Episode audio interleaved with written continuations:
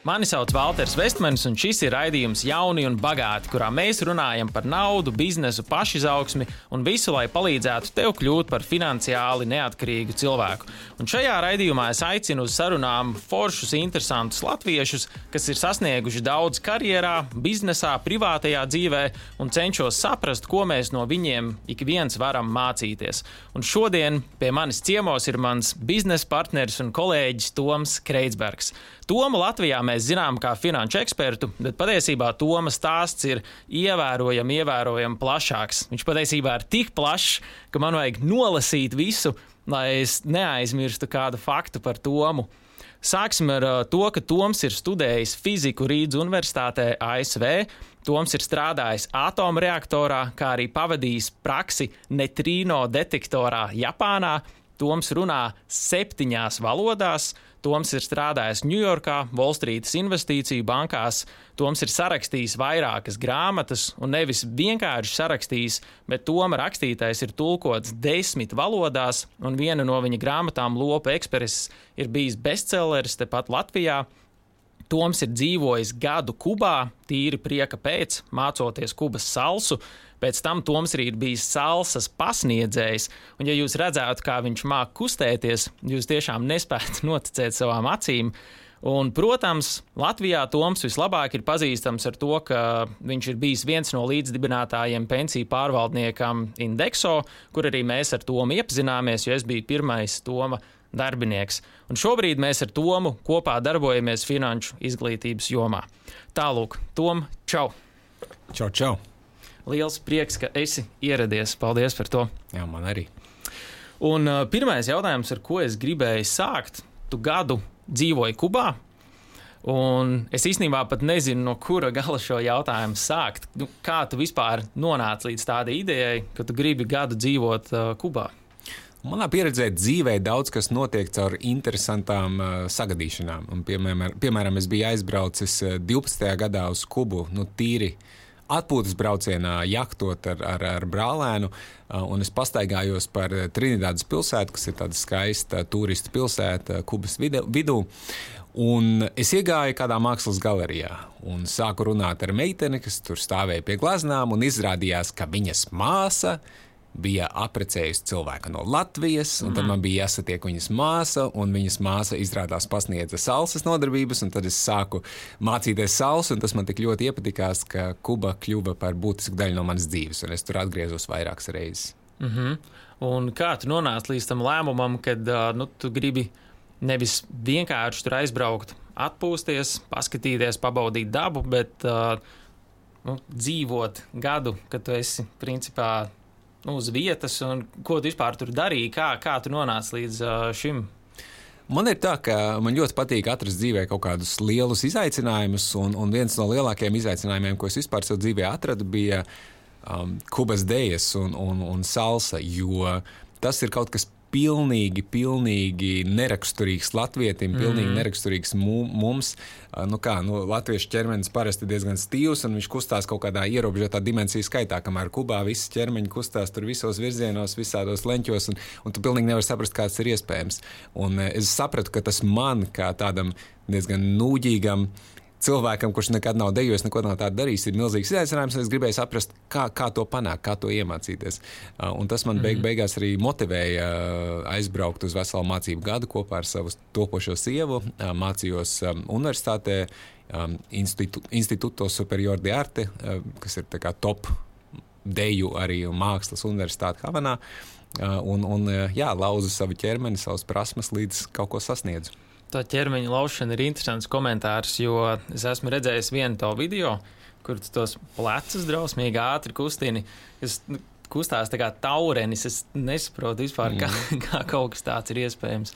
Nu, tas ir iespējams tā, ka tu stāv pie spoguļa sākumā, un tad, tu, piemēram, stundu vienkārši kustini katru plecu, katru plecu, un tad ātrāk un ātrāk. Un, ātrāk, un viņas jāmācās izolēt no pārējā ķermeņa, jo Zini, kā tu gribi šitā, bet tev mm. ir jākustina tikai plecs. Un, nu, un, un, un tā pakāpeniski soli pa solim. Mm -hmm. Un kā sanāk, tu varēji to gadu tur atļauties? Tu tur strādāji, tu pelnīji tur naudu, vai kā tas izskatījās? Jā, nu šis ir viens no tiem gadījumiem, viens no iemesliem, kāpēc es tik ļoti ticu tam, ka ir vērts dzīvē krāt un arī kaut ko ieguldīt un atlikt. Jo mēs par ieguldīšanu un krāšanu domājam parasti pensijas kontekstā. Kaut kad nākotnē es iešu pensijā, bet tas, protams, nav ļoti motivējoši. Bet es esmu arī daudzkārt darījis tā, ka es kādu brīdi intensīvāk strādāju, vairāk nopelnu, atlieku, kaut ko iekrāju, ieguldu, un tad ir kaut kāds laiks, kad es dzīvoju, baudu, vairāk tērēju. Un tā, ja savā karjeras sākumā es intensīvi strādāju, turpat Wallstreetā, diezgan daudz pelnīju, ļoti cīnījos, lai tur nonāktu, lai varētu pelnīt, tad man arī izdevās uzkrāt kaut kādas summas, kuras es pēc tam atkal savos, teiksim, no kāda 23 gadu vecuma līdz, līdz 26, 27, 28 gadu vecumā es diezgan daudz tērēju. Um, un tad atkal pienāca nākamais brīdis, kad mēs ar sievu nolēmām uh, veidot ģimeni, ka, protams, sapratu, atkal jāsāk rukāt, atkal jāsāk mm. krāt un investēt, jo tā kā ir bērns un ģimene, tad, protams, ir citas vajadzības. Interesanti sanāk tā, tādos tā viļņos iet tev uh, darba un, kā tu vari teikt, atpūtas balans, kad ir pāris gadi darbs, pāris gadi atpūta. Tas, vai tev pareizi tā nolasu? Jā, es domāju, ka tas nav eh, tāds ilgtermiņa modelis, jo, protams, ja ir doma par ģimeni un bērniem un vispārējo, tad kaut kādā brīdī tu nevari atļauties vairs sakrājumu, tagad es atkal visu iztērēšu. To, protams, ir jāsāk domāt, nu tā, izveidot kaut ko, kas tev paliks un nesīs pasīvos ienākumus. Uh, bet karjeras sākumā es domāju, ka noteikti var būt forši pastrādāt, pakrāt un tad arī kādu paņemt trīs mēnešus, pusgadu, varbūt gadu darīt kaut kādas lietas, kuras tev vēlāk dzīvē, kad tev būs ģimene, kad tev būs bērni, tev vairs nebūs iespēja, tev nebūs tā brīvība. Tā kā, mm. jā, man, man liels prieks, ka es to izdarīju. Jā, tas foršs uh, for, forš atziņa. Un, ja skatās uz tavu karjeru, ja godīgi sakot, uh, bieži cilvēkiem var redzēt CV tādu konkrētu karjeras ceļu. Viņš sāk vienā tēmā, viņš izstudē vienu tēmu, tad viņš sāk strādāt, un ir nu, kaut kāda loģika tajā visā kopā. Ja skatās uz tavu karjeras ceļu, tie ir tādi šāvieni uz visām pusēm. Te bija fizika, tad finanses, tad salsas pasniedzējs, tad uh, lekcijas vadīja, tad uzņēmē darbība. Uh, kā varbūt var ieskicēt aizkulises, kā tev kā vispār tu gāji cauri šim ceļam, kā tu leci no viena uz otru, uz trešo, vai tev ir kaut kādi principi, kam tu seko, vai ir iemesls, kādēļ tu šādi dari, vai tas ir viena milzīga nejaušība. Jā, patiesībā šī lieta, ar ko es visu mūžu cīnījos, nu, vismaz kopš universitātes laika, kad man bija tāda pretruna, es gribēju dzīvē daudz ko sasniegt, bet no otras puses man likās garlaicīgi, nu, es piemēram negribēju visu mūžu tikai fiziku studēt. Nu, man, manam raksturam tas nu, viens ceļš un iet tikai darīt vienu, tas nebija īstais. Un, protams, nācās saprast, ka, nu, jā, ja es negribu rakties dziļi fizikā, es nekad nebūšu kaut kāds Einsteins, ja es tur neko milzīgu fizikā visticamāk neatklāšu. Bet no otras puses es daudz redzēju pierādījums tam dzīvē riņķī, ka ir daudz jomas, kurās tu vari būt ļoti labs, ja tev ir vispusīgas pieredzes, ja tu visu kaut ko daudz esi darījis. Um, un uh, nesen īstenībā es lasīju labu grāmatu, tāds Davids Epsteins, angļuiski saucās Range, um, par to, ka ļoti daudzos laukos, um, profesionālajos laukos, tie, kas visvairāk sasniedz, tie nav kas, cilvēki, kas ir šauri gājuši pa vienām karjeras kāpnēm, bet cilvēki, kas ir mēģinājuši daudz dažādas lietas, un tad, piemēram, viņi var savā savā nodarbībā, piemēram, savā mākslā vai savā biznesā, viņi var apvienot tur, es nezinu. Zirgu jāšanu, zīmēšanu, mūziku un vēl kaut ko, un pēkšņi viņš izveido kaut ko jaunu, ko neviens cits nevarētu izveidot, jo nevienam citam nav šīs daudzpusīgās pieredzes. Un tā ir tā mana filozofija dzīvē - darīt daudz dažādas lietas. Tas bija teātris, rakstniecība, mūzika, klavieres spēlēs, dejošana, finanses, fizika, un, un tad meklēt, kā viņus apvienot, izveidot kaut ko jaunu, izveidot foršu. Um, ja runa par principiem, galvenais princips, kas man ir, ir nedrīkst tikai apgramstīt. Ja tu kaut ko dari, tad vismaz kaut kādus gadus tam ir jāvelta, un tev ir jākļūst vismaz ļoti labam. Tad droši vien nekļūst par pasaules meistaru. Tas nu, prasa Varbūt tiešām desmit gadus rūkāšana, bet nu, vismaz jākļūst ļoti labam, pirms to atkal ķeries pie nākamās lietas. Savādāk, protams, tu tikai visu apgramsti un neko neiemācies. Par to salikšanu kopā, es zinu, to bija interesants stāsts no intervijas Wall Street investīciju bankā. Te varbūt var padalīties, kad intervētājs tieši šo te uzdeva jautājumu, ka tev hobijs bija akti, teiksim, tu gāji uz teātru, pulciņas, ja to tā var pareizi mm. nosaukt. Uh, tu rakstīji zinātnisko fantastiku, tu studēji fiziku. Un, manuprāt, banķieris intervētājs toreiz tev uzdeva, kāpēc tu nāc uz Wall Street, kāpēc lai šeit būtu labs, varbūt tur pastāstīt, kā tas stāsts izklausījās. Jo es, man viņš ir kaut kā ļoti spilgti palicis atmiņā, kā tu to savilki kopā. Prieks, ka tas tev ir iestādies. Man jau tagad tas tik sen, ka es, ka es detaļās vairs neatceros, bet tā pamata doma bija, ka, uh, protams, ka es gāju cauri tā intervijai. Nu, es, es nevarēju apgalvot, ka es jau visu mūžu gribēju strādāt Wallstreetā, jo vēl dažus mēnešus pirms tam man nebija nejausmas, ka es gribu strādāt Wallstreetā. Un tad es meklēju, kā, kaut kādu mēģināju izveidot stāstu, kā tās visas manas iepriekšējās pieredzes būtībā noderēs, kāpēc tās ir īstās, lai, lai es varētu strādāt Wallstreetā. Un, Uh, nu, tagad es neatceros precīzi, ko es toreiz teicu, bet uh, nu, aptuveni no sērijas, ja, ja tu esi mācījies tur teātrī, tad tu varēsi labāk runāt ar cilvēkiem vai improvizēt, un, ja tu esi mācījies matemātiku, tad tu varēsi labāk sareiķināt. Un, nu, tad, jebkura prasme, ja tu viņu iepako pareizi, tu viņu vari nu, pielietot arī citā laukā. Mm. Uh, un tas pats bija nu, tā, tā reāla taisnība. Tas nav, tas nav tikai izgudrojums. Nu, piemēram, tad, kad um, mani pieaicināja kļūt par pirmo indekso izpildirektoru, tā kā lokomotīvu, kas to lietu virzīja televīzija. Uh, tur man noderēja viss. Man noderēja teātris pieredze, jo daudz bija jāuzstājas uz skatuves, noderēja matemātika, noderēja Street pieredze, protams, finansēs. Ja. Uh, Nu, labi, mūzika varētu jautāt, vai noderēja. Rakstniecība noteikti noderēja. Rakstīt mm -hmm. blogus, uh, reklāmas, vispār. Jo, nu, tas viss noderēja. Uh, un, un īstenībā es ļoti ticu tam, ka uzņēmējiem noder daudzpusīgas dzīves pieredzes. Jo tagad, kad tu veido jaunu uzņēmumu, tev ir jābūt cilvēkam, orķestrim, kas daudz ko māca, vai vismaz māca pieskatīt citus, kas to dara. Uh, un, un tāpēc, jā, ja tu gribi būt uzņēmējs, es domāju, ir ļoti labi dzīvot vispusīgu dzīvi. Un kā tu domā par mērķiem? Teiksim, kurā brīdī tu, uh, vai, vai tas tev ir apzināti noticis, ka tu saproti, šobrīd, teiksim, man tā galvenā lieta dzīvē ir, nezinu, fizika, un tagad es gribu pāriet uz finansēm, vai ir kaut kāda uh, robežu, pie kuras tu saproti, kad šis būs no šajā brīdī pietiek. Tagad es iešu to kaut kādu nākamo lietu apskatīt, vai tev ir vīzija vai jā, kaut, kāds, kaut kāds princips, kāds šāda veida mērķus uzstāda. Jā, es īstenībā ļoti izteikti atceros, kad man bija šī, šī cīņa pašam ar sevi. Tas bija 4. kursā. Es pilnīgi atceros, kur es biju savā kojās un, un, un, un, un lasīju uh, Viena zinātniskās fantastikas grāmata, kas neskapēc man iedeva atbildi uz šo. Tā bija Dana Simonsa grāmata. Uh, Ilium, man liekas, saucās. Um, Dānis Simons ir tāds interesants rakstnieks, kurš raksta tādu ļoti sarežģītu zinātnisko fantastiku, kur, kur ir tik milzīga erudīcija iekšā tajās mm. grāmatās. Visādi tik daudz gan no zinātnes, gan no poēzijas, gan no vis kaut kā cita. Tu vari redzēt, ka tas rakstnieks ļoti daudz ko pats zina no dažādām uh, dzīves lietām.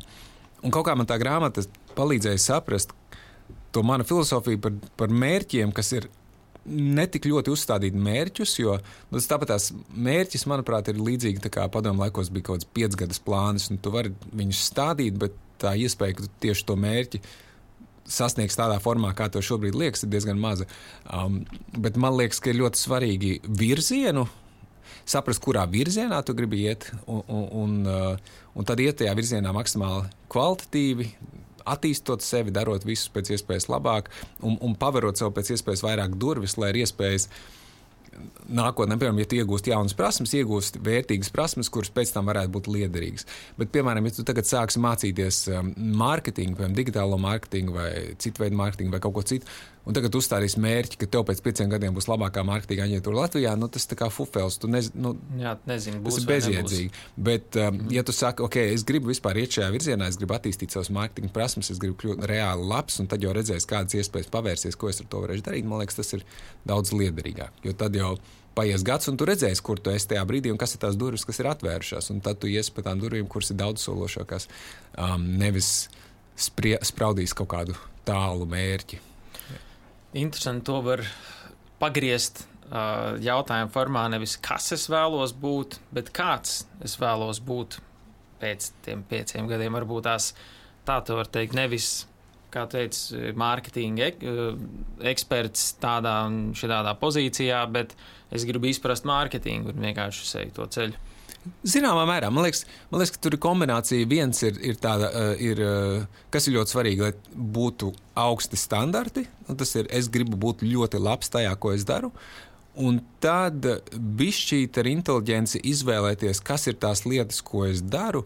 Uh, es to vienmēr aprakstu kā meklējumu kopsaucēju starp to, kas man pašam ļoti patīk, un starp to, kas, kas cilvēkiem ir vajadzīgs. Jo daudzi cilvēki ierokas tajā, ka viņi vienkārši meklē to, kas viņiem ļoti patīk, uh, un tad, piemēram, viņi, viņi grib aktieru mākslu vai ko. Bet, ja viņi tajā pašā laikā, piemēram, grib būt turīgi vai superveiksmīgi vai kas, nu, ir tīpaši jau Latvijā ar latviešu akcentu un tā tālāk, uh, nu, tad uh, tu vari būt Latvijas, piemēram, tu būsi aktieris Latvijā. Nu, protams, tu vari būt diezgan veiksmīgs, nu, bet baigi bagāts tu nekļūsi. Vai arī es zinu cilvēks, kas no Latvijas domā, es lauzīšos uz Holivudu vai vēl kaut kur. Nu, varbūt, ka viens pat 30 gadiem to izdarīs, bet ar latviešu akcentu tikt Holivudā mm. par zvaigzni, tas ir ārkārtīgi, ārkārtīgi grūts ceļš. Um, tāpēc man arī patika aktieru mākslu un tā tālāk, bet es sapratu, ka okay, tas, nu, tas nav tas ceļš. Es, es skatos, ir citas lietas, kas man patīk. Um, un, un, piemēram, man patīk veidot uzņēmumus, rakstīt reklāmas, vēl kaut ko. Es saprotu, tā ir lieta, ko es baudu. Un tas arī pārklājas ar kaut ko tādu, kam ir liela komerciāla vērtība, kas cilvēkiem ir vajadzīgs. Un tad, ja šīs lietas apvienoju, uh, tad, tad tas ir foršs kaut kāds gudrs ceļš, uh, virziens, kurā iet. Nu, tā, tā, tā es uz to skatos. Tas ļoti interesanti īstenībā, jo tad uzreiz tu savā ziņā saglabā to, to, to, nu, to slaveno jautājumu, kas ir mans passion, aizraušanās, ko es gribu dzīvē darīt, bet tad pieliec to piedēklīti, nu, vai kādam vispār to vajadzēs, un kāds iet kopā ar citiem maniem dzīves mērķiem, ka to var nu, forši apvienot. Jā, Nu, es negribu nevienu atrunāt. Ja, ja, ja tu esi cilvēks, kuram ārkārtīgi deg aktieru māksla, tu gribi būt aktieris, nē, nu tad absolūti dari to. Bet nu, tad pēti, piemēram, ko sauc angļuiski deliberate practice, apzināts treniņš. Pēti, kas ir zinātniski pierādīts par to, kā tu vari kļūt par izcilu aktieru. Es esmu simtprocentīgi drošs, ka, ja cilvēks ir piemēram, 20 gadu vecumā un viņš gribētu kļūt par izcilāko aktieri, kurš no Latvijas, vai nu Latvijā, vai arī izlaužas pasaulē, nu, to ir iespējams sasniegt. Bet tas visticamāk ir 5, 10 gadu ceļš ar ekstrēmu rukāšanu, ekstrēmu strādāšanu pie sevis, uh, sava ceļa kalšana, mentoru meklēšana, iespēju meklēšana, tur sevis laušana. Tas nav tā, ka tu ies pašplūsmā, ies kaut kādā tur uh, mācīsies, tur, kur visi aktieri mācās, ies uz tiem pašiem teātriem. Tādā ceļā tur nekad mm. nenonāks. Ja tu gribi, un ja tev ir tā deksme, tad dari. Bet ja tā tā deksme, ja tev nav tik viena liela deksme, ka tu, tas ir tas, ko es gribu, bet tev, piemēram, interesē piecas dažādas lietas, nu, kāpēc neizvēlēties to virzienu, kurā ir lielāks arī komerciālais potenciāls, lai, lai to dzīvē ir vieglāk vienkārši. Pēc, pēc tā kā tu stāst, izklausās, ka tu esi daudz par šo domājis un pētījis šīs metodas, un varbūt arī pats esi lauzies cauri kaut kādās jomās šim.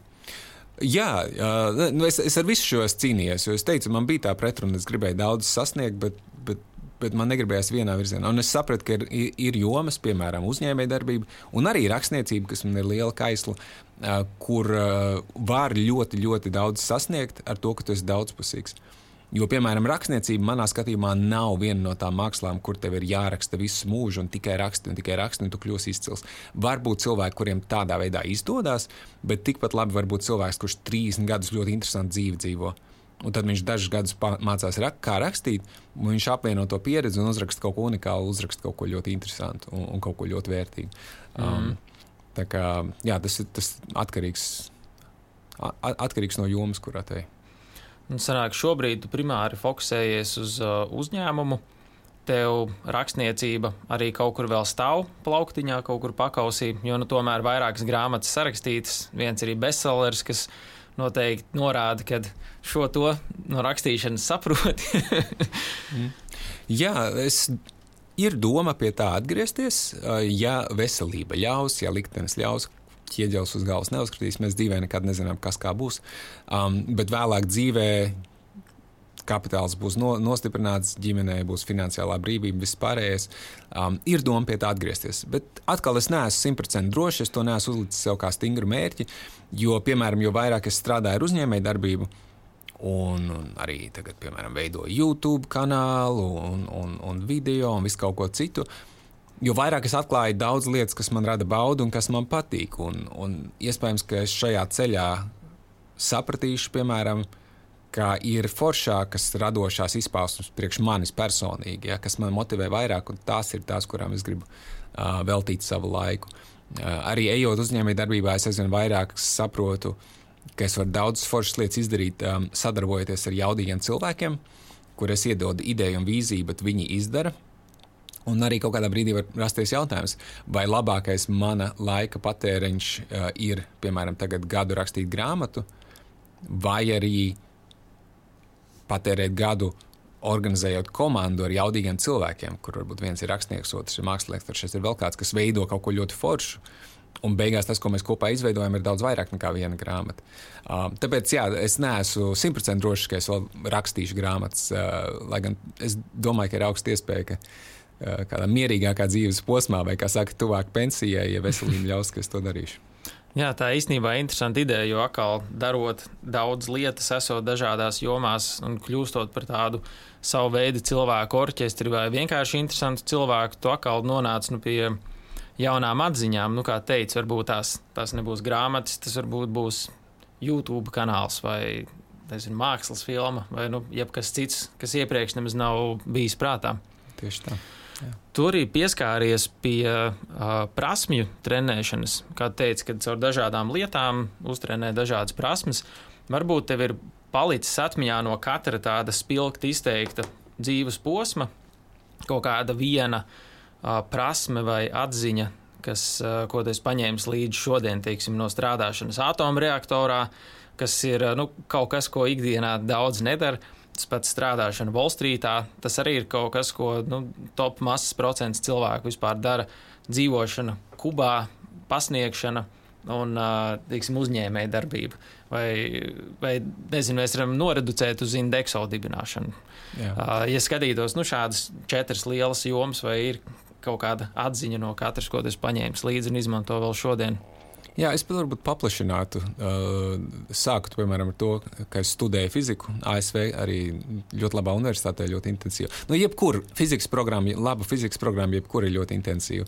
Um, tur man pirmā atziņa ir, ka ar milzīgu darbu var sasniegt daudz vairāk nekā tev liekas. Jo skolā, piemēram, bija viduvējs fizikā, bet es nolēmu, ka tas man būs izaicinājums un es reāli Nu, piemēram, pirmajā kursā, tur, kur citi uz mājas darbu veltīja 3 stundas, es veltīju varbūt 20 stundas nedēļā, lai to mājas darbu uztaisītu, lai atkostu kārtīgi. Tas ir daudz. Un, un, jā, bet nu, es reāli rukāju, un tas bija tas, ko es darīju visu dienu. Un es dažu gadu laikā kļuvu no tā, ka es biju viduvējs uz vienu no labākajiem visā kursā. Tāpēc es vienkārši nu, reāli lauzu, un es noteikti vienā gadā iemācījos vairāk nekā pieco, piecos gados pirmajā gimnājā. Lai gan pirmā gimnājā ir laba skola. Tā kā pirmā atziņa bija, ka, ja tu reāli intensīvi mācies un rukāt, tu vari ļoti daudz izdarīt, un vari ļoti daudz iemācīties arī no nu, pieaugušā vecumā. Tas, tev, kas tev vidusskolā sanāca vai nesanāca, tas nav izšķirošais. Mm -hmm. Um, tad uh, pa, no atomreaktora jā, galvenais, ko es paņēmu, ir sistemātiskums, jo tur viss notiek pēc um, priekšrakstiem, pēc, uh, es nezinu, kā latviešu teikt, pēc, pēc čeklistiem. Jā. Jā. Ieslēdz visu, atķeks pēc ķeksīšiem, izslēdz visu pēc ķeksīšiem, jo, ja tu kaut ko palaidīsi garām, uh, tās sekas var būt ļoti nepatīkamas. Tāpēc tas, tas ļoti nodara arī biznesā. Protams, tu nevari kļūt pārāk stīvs, bet ir jāseko procesam. Nu, tā kā kaut kas ir atkosts, tu zini, kā kaut kas strādā, vajag sistematizēt un iet pēc procesa. Tad Wall Street, un Wall protams, ka ļoti daudz tieši par finansēm un, un ieguldīšanu un domāšanas veidu par naudu iemācījos. Bet arī viena lieta, jā, tā, ka tev ir darījumi tur uzreiz par 100 miljoniem, tad tas, ko ļoti labi iemācies, ir, uh, ir desmit veidi, kā pārbaudīt katru aprēķinu pirms, mm tu, pirms tu saki darīt. Un to arī pēc tam indeksa laikā tas ros tu vai citi kolēģi uh, pamanījāt, ka, piemēram, tā, ka es ikdienā biju vienāds, un tagad, piemēram, paceļu telefonu un, un, un, un saku bankai, ok, mēs tagad nopirksim 200 tūkstošus dolārus. Es pēkšņi runāju lēni, mierīgi, ļoti mm -hmm. precīzi. Skaidri izrunāju katru burtu. Tas arī ir Wall Street treniņš. Jo tagad tu runā, piemēram, es gribu nopirkt 135 miljonus aizdevuma kurš ir tāds un tāds, un tad tur ir ļoti, ļoti precīzi un pareizi viss jāpasaka, tad būs liels ziepes. Tos uh, no indeksa laikiem ļoti spilgti atceros arī ar visiem Excel modeļiem, ko mēs būvējām. Tu vienmēr teici, um, ok, tev ir šis sarežģītais Excel, bet tagad paņem papīra lapu un zīmoli un uh, paņem kaut kādus galvenos punktus, pēc kuriem tu vari nu, to principu pārbaudīt, vai vispār konceptuāli tas, tas viss nu, ir loģisks. Jo citreiz skatoties uz to sarežģīto gala iznākumu, tev nu, īsti nezini, no kura gala sākt pārbaudīt, bet, ja tu pamēģini to tā noreducēt uz primitīvu līmeni, kas ir tas salvetes tipa aprēķins, tad uh, tu vari mhm. diezgan ātri arī pārbaudīt. Tieši tā, tur ir 15 pārbaudas Excelī, un tad to vajag uz papīra lapiņas varētu aptuveni aprēķināt un pateikt, ka jāizklausās pareizi. Tas, tas ir ļoti svarīgi. Tas, tas, tas dod to komfortu, ka tu pirms tam zvani un slēgsi darījumu. Tu esi uz papīra lapiņas sareiķinājis, un tu vari pateikt, ok, varbūt es tur kļūdījos ar kaut kādiem komatiem, bet nu, vilcien, lielos vilcienos mm -hmm. ir, ir pareizi. Jā. Tā, tā noteikti tā no Wall Street lieta. Uh, tad, uh, Kuba, piemēram, Kuba. Kub, gads Kubā. Uh, jā, nu, vi, visa pieredze ar, ar, ar Kubu, Salsu un visu pārējo. Uh, Un arī tas es sapazinos ar, ar uh, kubas dejotāju profesionāli, kas dzīvoja Latvijā. Toreiz uh, Ivans Salazars bija tāds. Um, tas viss man bija tāda uh, savu sociālo prasmju laušana. Uh, es skolā biju ļoti, ļoti tīzlis, un pēc tam arī man bija grūti izveidot kontaktu ar cilvēkiem, tur runāt, un mani apcēla un tā tālāk. Un, uh, tas viss skubas ceļš man bija atbrīvoties, iepazīties, iemācīties tur komunicēt ar cilvēkiem, būt brīvākam,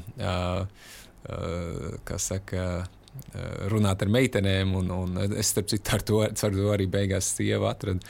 Nu, tas, tas, mm. bija vairāk par tādu jā, personīgo izaugsmi šajā, šajā vairāk virzienā. Jā.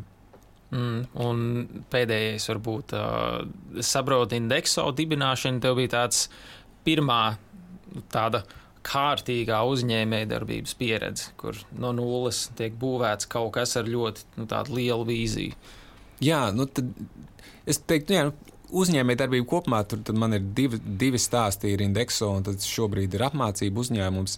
Uh, un tad, ja Indexo es nebiju idejas autors, tad idejas autors bija Henriks Karmo no uh, Igaunijas, kurš kopā ar Valdi Siksni un Druvu Mūrmanu viņi mani atrada un piesaistīja, nu reāli, vai meklējam uh, Ne, kā saka, ne, ne davai, bet nu, lūk, meklējam, meklējam investorus, taisam uzņēmumu. Un tad, jā, protams, ka tā bija lieliska pieredze un, un lieliski palīdzēja man noticēt sevi, jo es reāli uztaisīju prezentāciju investoriem, uztaisīju visus investīciju modeļus. Nu, būtībā visu no nulles mēs uzcēlām. Tad arī Valteru atrada kā pirmo darbinieku. Ja, un, kā, tas viss izveidojās, tas ļoti palīdzēja noticēt sevi.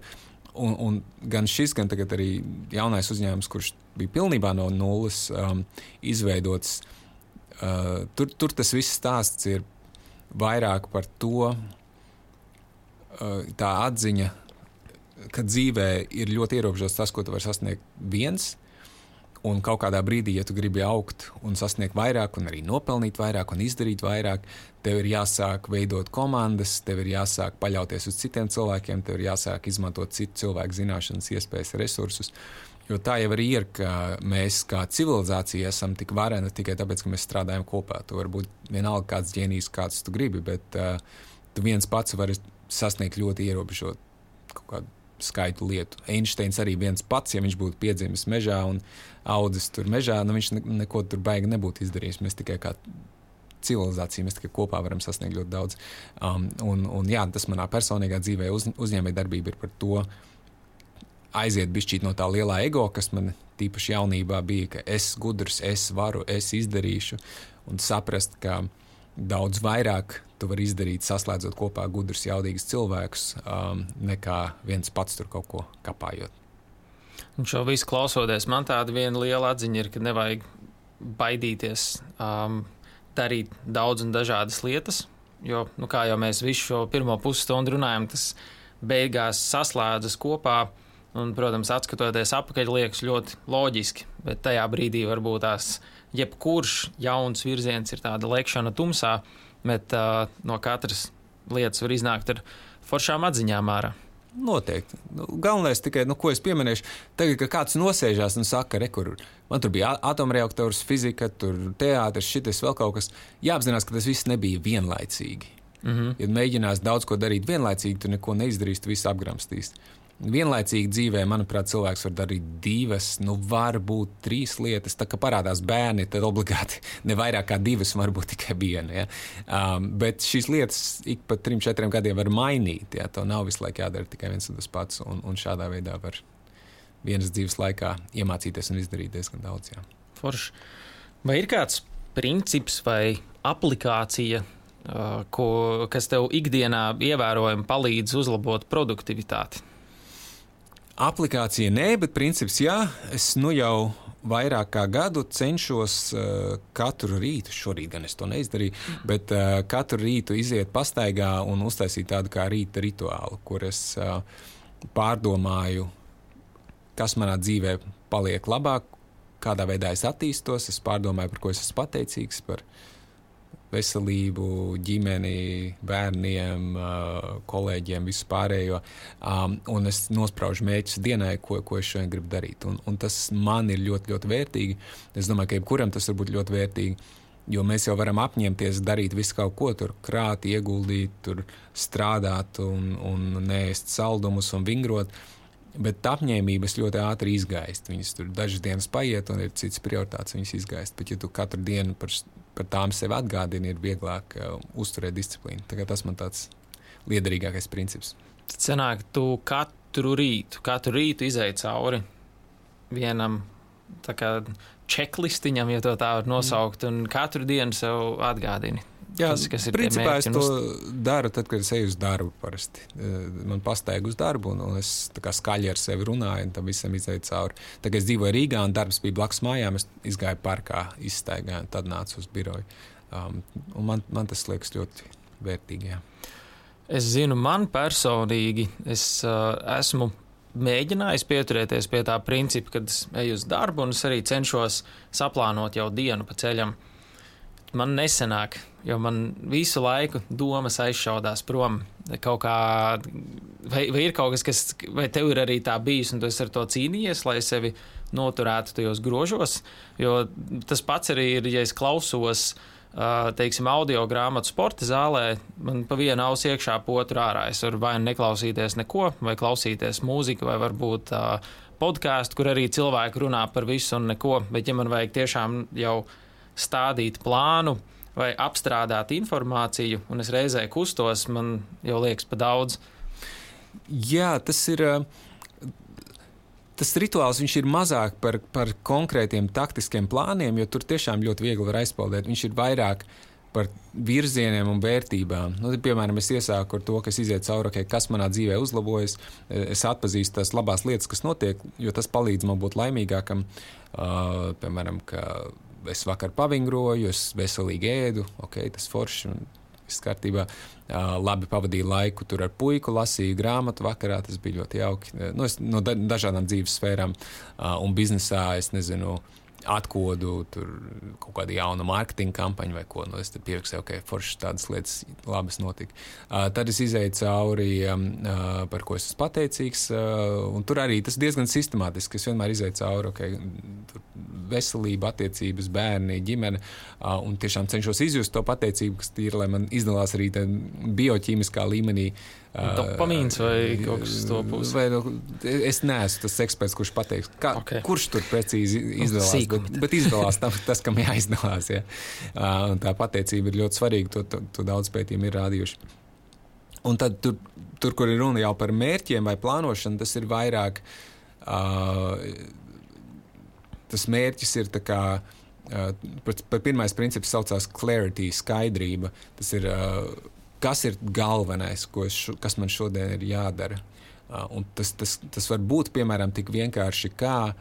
Uh, okay, mans mēr, galvenais mērķis šodien ir uzrakstīt skriptus, kas, kas kā, piemēram, emocionāli motivēs cilvēkus krāt. Un tas, tas ir galvenais. Ja? Tur video skriptus uzrakstīt. Un tad neiet tur detaļās, beigt taktiski, jo tad tiešām tu vari pusstundu aizpeldēt. Uh, Um, tu vienkārši kaut kādus galvenos virzienus uh, sev nospraudi, un arī nu, un tas ir. Bet tu katru dienu pie tā atgriezies, un tāpēc, ja, piemēram, es pamanu, ka es tagad dažas dienas esmu sācis neveselīgāk ēst, būtu viegli, ka tas varētu aizpeldēt, bet, ja es zinu, ka man ir struktūra, ka es katru dienu padomāju par savu veselību, un, un kas ir foršs par manu veselību, un kāda ir mana mērķa, tad man ir daudz iespējas atgriezties uz sliedēm. Un pat ja viena diena neizdodas, tad nākamajā dienā es atkal atgriežos pie tās tēmas.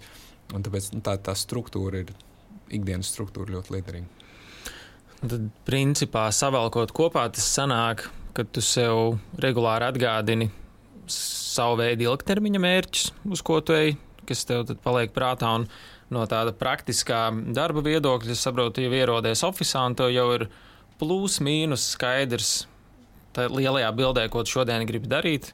Mm. Un nav tā, ka ierodies kā balta lapa un nu, no nulles sāc domāt, kas tas šodien būs. Jā. Es Koš... tikai noteikti uzsvērtu, ka tā ir tikpat svarīgi atskatīties uz to, kas ir bijis labs, un par to, ka tu esi pateicīgs, kā plānot uz priekšu.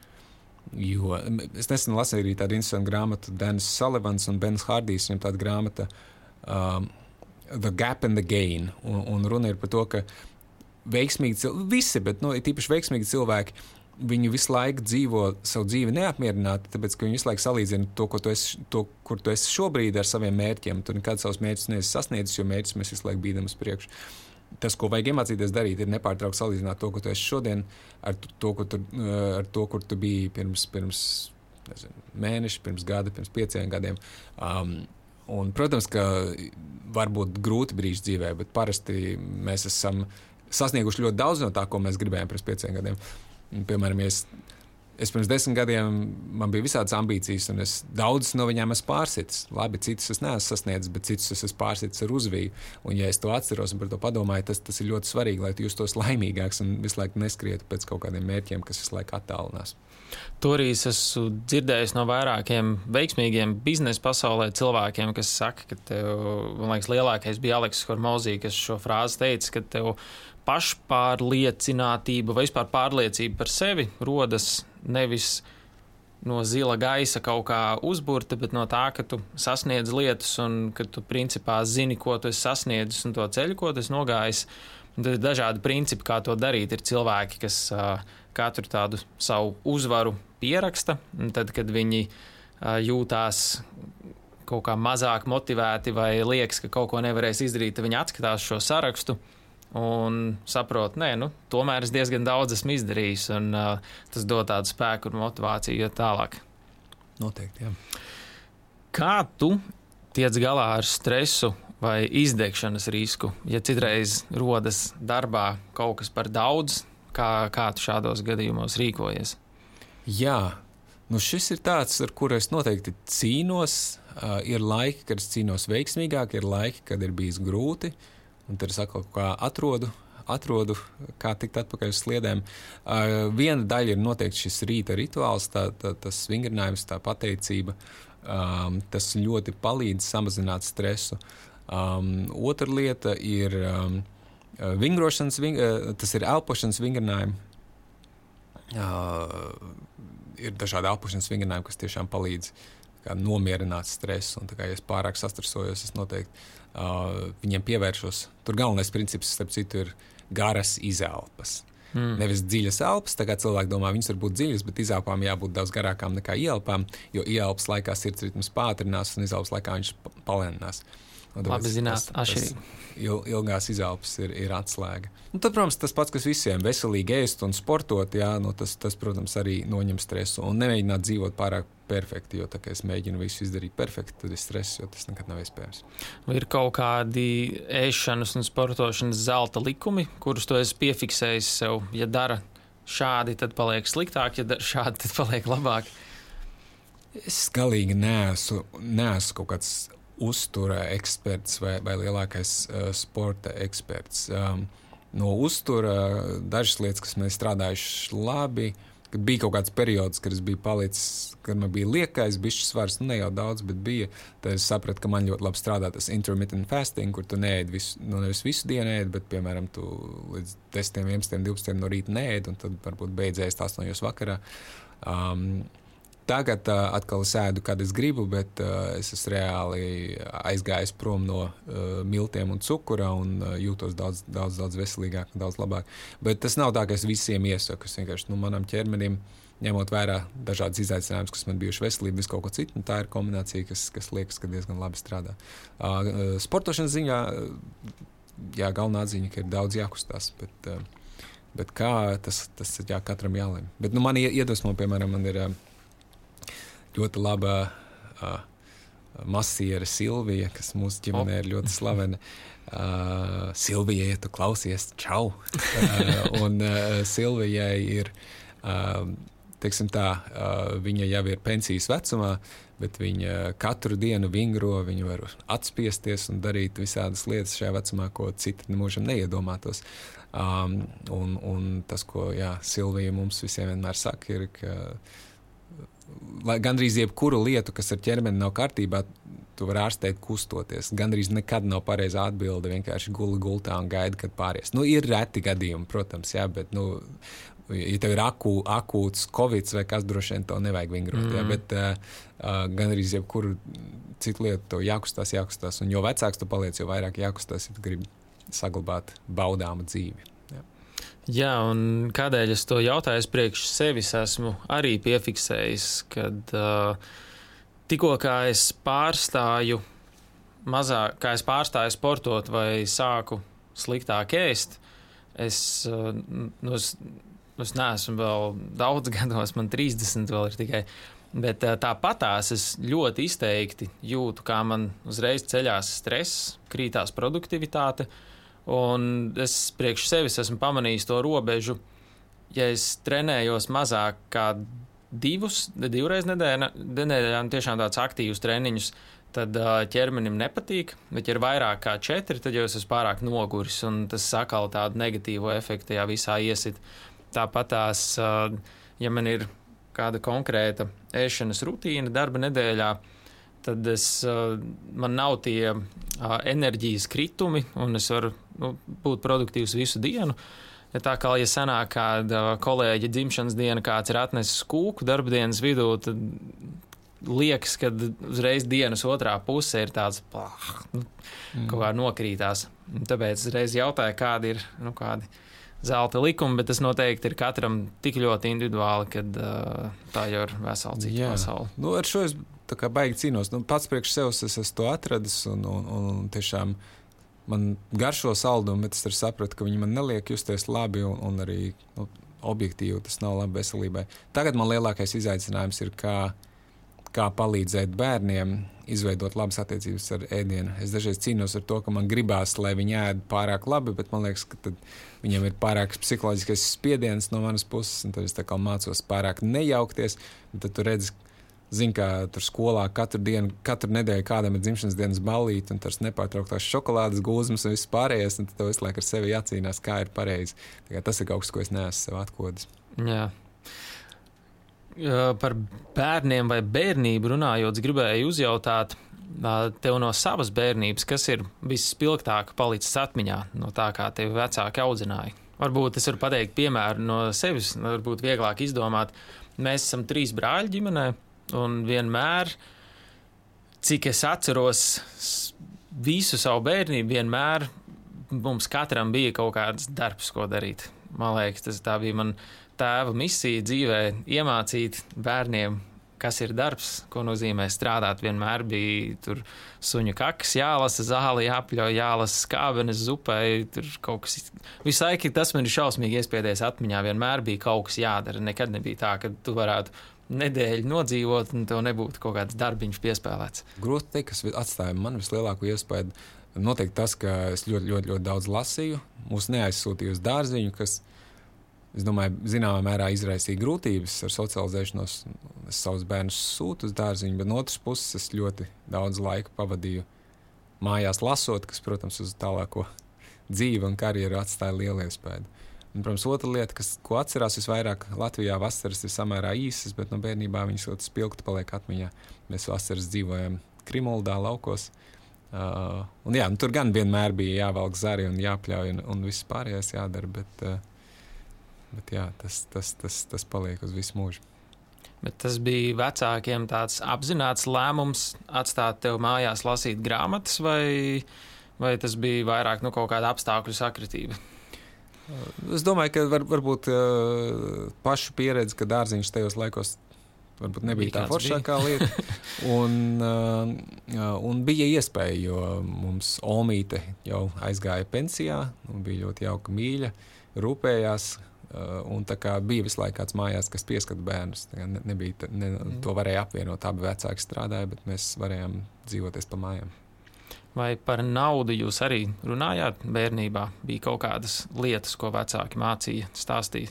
Mm, man liekas, ka baigi ne, nebija. Ne. Jo, nu, kā, protams, man mamma matemātikas skolotāja, tēvs pasniedzējis universitātē, kā jau 90. gadu sākumā. Nu, tad, tur kāda tur baigā nauda, kā jau visi parasti no algas līdz algai dzīvoja. Un, nu, noteikti ne par kādām investīcijām vai, vai tam līdzīgām lietām. Noteikti neviens nerunāja. Un tad sanāk, šis ceļš tev pašam bija jālauž. Principā no nulles. Jā, absolūti. Un, un tā interesantā lieta ir, ka tas ir tā, ka tu uzaudz tādā vidē, kā vairums no mums, es domāju, tev vispār pat tu pat nezini, ka tu nemāki investēt vai krāt. Tas nav par to, un tu vispār nezini, ka kaut kāda krāšana un investēšana eksistē nu, vismaz tajos laikos. Tas vis, tu vispār neapzinājies, ka ir tāda lieta. Nu kā, nu ir alga, un tu tērē, un tad ir nākamā alga, un tas ir tas, kā tas strādā.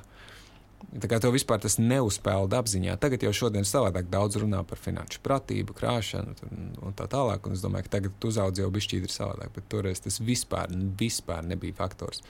Skolā mācījos ekonomiku, tur bija olimpiādēs, un ko, bet arī tajā laikā par tādām lietām vispār nebija doma.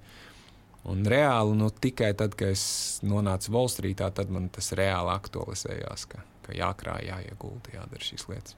Tas man tieši bija nākamais jautājums, kad tev notika kaut kāds klikšķis, kad tu saprati, ok, šī ir, tu te kaut kas ir, un šo vajag sākt mēģināt uh, izprast dziļāk. Jā, nu tas bija, es nonācu 7. gadā Volstrītā.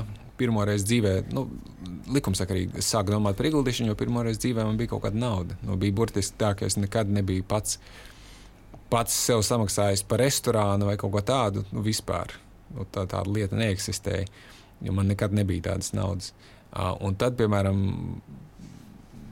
man pieņēma bankā Olstrītā, un tur pieņemot darbā uzreiz bonus 10,000 par to, ka to pieņem darbā. Nu, tad iedomājieties cilvēkam toreiz no Latvijas pēkšņi, kuram nekad vispār nav bijusi nauda, un to pēkšņi 10,000. Uh, nu, liekas, tu esi bagāts, tev ir milzīga summa, un, protams, ka tu sāc domāt, ko un kā. Uh, un, un, jā, tajā brīdī jā, tur, tur sāc klausīties, tur jāaizsargā no inflācijas, varbūt jāiegulda, varēs nopelnīt tā un šitā. Tas kļūst aktuāli. Tā varētu būt tāda ļoti traka sajūta, kad tiešām atnāca no tādas uh, padomju, pēcpadomju vidas. Vispār nonāca Volstrītā un pēkšņi no nulles uz daudz, daudz naudas priekš tā laika, priekš tā vecuma. Grūti iztēloties. Jā, nu, bija diezgan liels kontrasts. Protams, ka sākumā vienkārši Es, es daudz staigāju pa restorāniem un vienkārši tērēju, jo tas bija kaut kas jauns, ko gribējās izbaudīt. Izejot cauri visam, kas ir, kas ir bijusi Volstrītas pieredze, varbūt tā pati indekso pieredze, tos arī daudz lekcijas vadījis par investēšanu, kas ir kaut kāds lielākais secinājums, pie kā tu esi nonācis, kā tu savu naudu investē un kāpēc? Tas viss laika gaitā īstenībā mainās. Uh, un, un tas, pie kā es kā pēdējā laikā aizvien vairāk nonāku, ir, ka pats svarīgākais ir sākt domāt kā investoram. Uh, pats svarīgākais ir sākt, piemēram, viens, ko es visiem iesaku, Es pat mazāk iesaku budžetēt katru mēnesi, bet es tagad iesaku katru mēnesi vai reizes trīs mēnešos sarēķināt savus aktīvus un savas saistības, sarēķināt, ko angļuiski sauc net worth, savus neto aktīvus. Mm -hmm. ja? um, viss, kas tev pieder, investīcijas, nauda, viss pārējais, atņem visus savus parādus un kas tur paliek pāri un skaties, kā tā summa laika gaitā mainās. Beidz domāt no tā, no algas līdz algai un sāc domāt, kāda ir mana bagātība, kāda ir mana turība, cik man ir. Un tagad, tu sāc tā domāt, tu sāc dzīvi skatīties savādāk. Tu sāc domāt par ne tikai par ienākumiem, bet tu sāc domāt par aktīviem, par turību, par investīcijām. Kādreiz, un es arī to daru un turpināšu darīt, tad, kad mēs runājam par investīcijām, mēs zīmējam tur smukus grafikus, kā arī kur tu ieguldi, un tur 7% gadā, un tur līkni iet uz augšu un tā tālāk. Um, bet ar laiku es saprotu, ka dzīvē tas gandrīz nekad ne, neizskatās tā, kā tas izskatās uz lapas. Uh, Nu, Gan arī nekad nav tā, ka, katru, nu, ka cilvēks vienkārši 20 gadus reizes mēnesī atliek tādu summu un viņš šādi aug. Um, ir vērts zīmēt to likni, lai saprastu, kā strādā tā matemātika. Uh, dzīvē parasti tā, ka tu kaut kādu laiku ieguldi, tad tur parādās. Nezinu, kaut kāda vajadzība ir daļa jāizņem ārā, tad tu ieguldi vairāk, tad parādās iespēja nopirkt māju vai uzsākt biznesu, tā kā kaut ko izņem ārā. Bet tas, kas tiešām strādā, ko es esmu ļoti pieredzējis savā dzīvē, ir, ka iespējas dzīvē nāk pie tiem, kuriem ir kapitāls. Un, ja tu nekrāji un neieguldi, tev būs daudz, daudz mazāk iespējas kļūt turīgam un vairot savu turību nekā, ja tu krāsi un ieguldīsi kaut vai mazas summas. Ir milzīga starpība starp to, ka tev ir kontā nulle un ka tev ir kontā 5000, piemēram. Jo, ja tev ir kontā 5000 Latvijā, um, tev nav jāstreso par to. Uh, ja nu tev atlaidīs, kā tu izdzīvos, tev jāstreso, ja mašīna sabruks, uh, saplīsīs, kā tu izdzīvos. Eh, tu vari veltīt savu uzmanību citām lietām, attīstīt prasmes, domāt par biznesu, vēl, uh, uzsākšanu vai vēl kaut ko. Ir liela atšķirība starp 5000 un 30 tūkstoši. Ja tev ir 30 tūkstoši, tev uzreiz pavērās iespēja, ka tu vari uzsākt savu biznesu, arī, vai arī var veikt pirmo iemaksu mājā vai dzīvoklim vai vēl kaut kam. Nu, atkarībā no tā, kā cenas ceļās, protams, Jā, tā pirmā iemaksa ir grūtāk. Bet kā, tagad, tagad man domāšana ir mazāk matemātiska, ka tur rekur tev būs tā līkne un katru mēnesi liks. Nē, vajag katru mēnesi ieguldīt, to vajag tiekties, vajag saprast, ka tas tas nenotiks tik skaisti kā uz bildes, bet ka ir ļoti, ļoti svarīgi to kapitālu veidot, jo parādīsies dzīvē visādas iespējas, ja to nebūs kapitāla, tu viņus nevarēsi izmantot. Nu, tā kā man uh, skrāju ieguldīju, tad, kad man bija iespēja pašam arī ieguldīt indekso, man bija tā iespēja. Tas bija ļoti svarīgi, jo tas ieguldījums indekso pēc tam kļuva daudz, daudz, daudz vērtīgāks. Ja tas bija liels pagrieziena punkts manā personīgajā, manās personīgajās finansēs. Bet, ja es nebūtu pirms tam krājis it kā šķietam mazākas summas, man nebūtu bijusi tā iespēja tur kaut ko ieguldīt. Tā. Tas pats ar šo otro biznesu, ko tagad veidoju. Nu, viņš, gadu strādāju bez ienākumiem, lai viņu izveidotu. Es to varēju izdarīt, tāpēc, ka bija uzkrājumi. Um, vai, ja mēs uz, uzliktu uz grafiku man, manus uzkrājumus un, un investīcijas, tur nebūtu tāda skaista līnija vienkārši uz augšu. Tur būtu visādi gājis. Ja. Uh, tā skaitā, tāpēc, ka daži bija ņēma ārā naudu, daži bija lika iekšā. Bet fakts kā tāds ieguldīšana ir mainījusi man dzīvi. Tāpēc es tam ļoti ticu, ka to ir vērts darīt. Ļoti patīk frāze, ko tu arī tikko pateici, ka tev uzkrājumi ļauj fokusēties uz citām lietām. Jo tas pirmais solis, kas ir tas drošības pilvens, ka tiešām viņš tev noņem to ikdienas stresu, ka tu vari domāt nevis, ah, ja nu kaut kas notiek, ah, ja nu tas, ah, ja nu vēl kaut kas, bet tu zini, ka šis ir droši. Šis, šī, šī daļa man ir nosakta, es varu fokusēties teiksim, uz izaugsmu, uz sevi, uz karjeru. Un uh, atkal ko tu minēji, nākošais leciens, nu, pieņemsim tie 30 tūkstoši. Tu jau sen kā vairs nedomā par to ajanu, bet tu jau sāc meklēt vēl papildus iespējas un ko tas var pavērt. Tā, kā, jā, tā ir tāda ļoti forša lieta. Es uzreiz gribēju viņu jā, izcelt. Un īstenībā tas man liek aizdomāties, tu jautāji, kā es menedžēju stresu. Viens no maniem paņēmieniem, tad, kad, tad, kad es biju algots darbinieks, ko es darīju, un tagad, kad ir biznesa, ko es daru, ir kaut kādi mēneši, kad ir grūti. Tur algotā darbā domā, ja nu mūs atlaiž, jo ir slikti biznesam. Tagad es piemēram, domāju, ak, Dievs, šobrīd tur nezinu, ekonomika piebremzē, nezinu, tur biznesam iet švaki kaut kādā brīdī.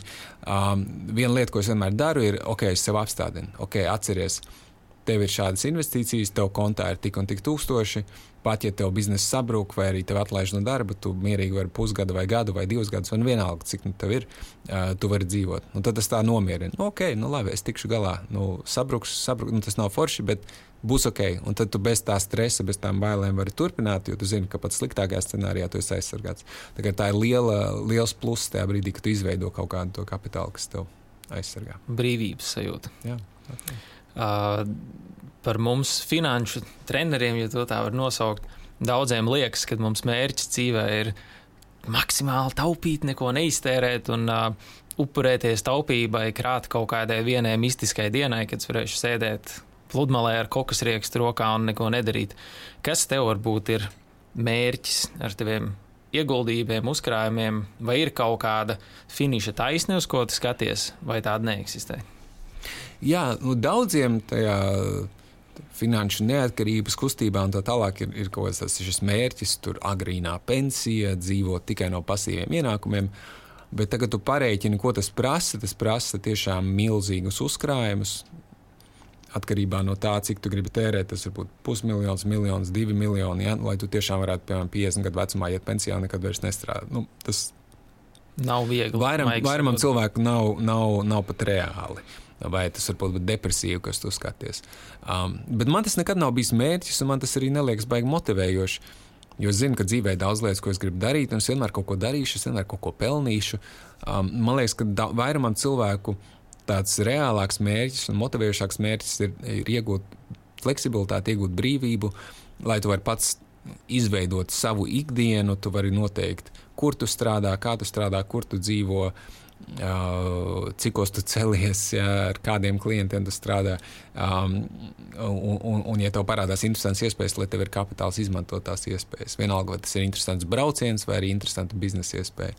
Um, tas, tas ir tas, kas man vairāk ir svarīgi, lai es um, es varu darīt to darbu, ko es vēlos, ar tiem cilvēkiem, kuriem es vēlos, tur, kur es vēlos. Un šobrīd es jau to sasniedzis, tā tādā ziņā jau es jūtos labi. Tagad mērķis ir, protams, to noturēt, no, celt, celties nākamajā līmenī, bet šobrīd jau mani gandrīz vai vairāk motivē tas, ka es gribu kaut ko sasniegt un, un, un cilvēkiem palīdzēt kaut kādā nākamajā līmenī, nekā tīri tās finanšu lietas, jo tās ikdienas lietas nu, man ir grūti iedomāties baigi lielāku komfortu. Nu, es ēdu ļoti garšīgi, dzīvoju patīkamā dzīvoklī, uh, ir, ir visādas foršas iespējas, bērni iet labā skolā. Nu, tā kā nav, nav tā, ka tagad oh, nauda, nauda, nauda. Tagad nauda tagad paver citas iespējas, veidot plašāku biznesu, vēl kaut ko. Uh, tad tas ir vairāk faktors. Man liekas, izcila atbilde. Un jautājums, ar ko es nobeidzu visus raidījumus, vai tev ir kāda grāmata vai filma vai citāts, ko tu esi visvairāk dalījis kolēģiem vai draugiem vai vispār cilvēkiem, kas tev varbūt ir vai nu palīdzējis uzlikt uz kādas pareizas trajektorijas, vai vienkārši tev liekas, ka tas ir kaut kas nu, tik ļoti vērtīgs, ka nu, ši, šo visiem tiešām vajag zināt. Jā, nu, tu jau zini atbildi šo jautājumu. Es esmu ar tevi dalījies ar šīm grāmatām. Es pat nosaukšu vai nu, varbūt divas vai trīs, jo man liekas, ka atkarībā no tā, ko tu, kur tu dzīvē esi, tev ir dažādas lietas, kas varētu noderēt. Uh, viena grāmata ir uh, Deep Work. Uh, tā ir grāmata par to, kā šajā dzīvē, kur mums visu laiku kaut kas novērš uzmanību, daudz ko sasniegt, uh, atrodot garus laika periodus, kad mēs pie kaut kā intensīvi strādājam un neļaujam sev novērst uzmanību Instagram, TikTokiem vai nu, jebkam citam. Tā kā Deep Work, autors Cal Newport. Tad ir uh, grāmata uh, tiem, kas grib sākt iet uzņēmējdarbības virzienā, mazais bizness, E-Myth Revisited. Autoru no galvas neatceros, bet e-myth no galvas revisited. Jā, um, maziņa, viegli lasāma. Jā, par, par to, kā sākt veidot biznesu, kurš nav tikai tu pašnodarbinātais ar darbiniekiem, kurus tev visu laiku jāmikromenedžē, bet nu, reāli bizness, kas pats strādā. Un tad pēdējā grāmata jau tā kā nākamajā līmenī, tā kā tiešām jau biznesa audzējot, kas, ko es pēdējā laikā lasīju, man ļoti patīk un citiem es iesaku, ir uh, tas pats Dans Sullivans, ko es pieminēju, un Bens Hardijs, viņam ir Who, Not How. Uh, lai aizietu nākamajā līmenī, ja tu kaut ko gribi lielu sasniegt, parasti pirmais jautājums, ko cilvēki ir jautā, how? Eh, kā to izdarīt, bet labāks jautājums ir who. Eh, kurš, kurš tev var palīdzēt, kurš tev var iemācīt, kurš to var izdarīt tavā vietā. Tev jāsāk izmantot citu cilvēku spējas, resursus, eh, ne tikai visu jādara pašam. Tā kā, jā, tad, Deep Work, E-Myth Revisited un Who Not How. Tas būtu šīs trīs grāmatas. Super. Ja cilvēki grib par tevi kaut ko vairāk uzzināt, tev piesakot, kur tu esi visaktīvākais sociālos tīklos, kur viņiem meklēt? Nu, pirmkārt, Toms Kreisbergs.CLV var pierakstīties e-pastiem, bet tad YouTube arī ik pa laikam ieliek kādu video kanālā Neatkarīgais investors. Forši, nu, Tom, paldies, liels, ka ieradies. Man liekas, ļoti vērtīga saruna.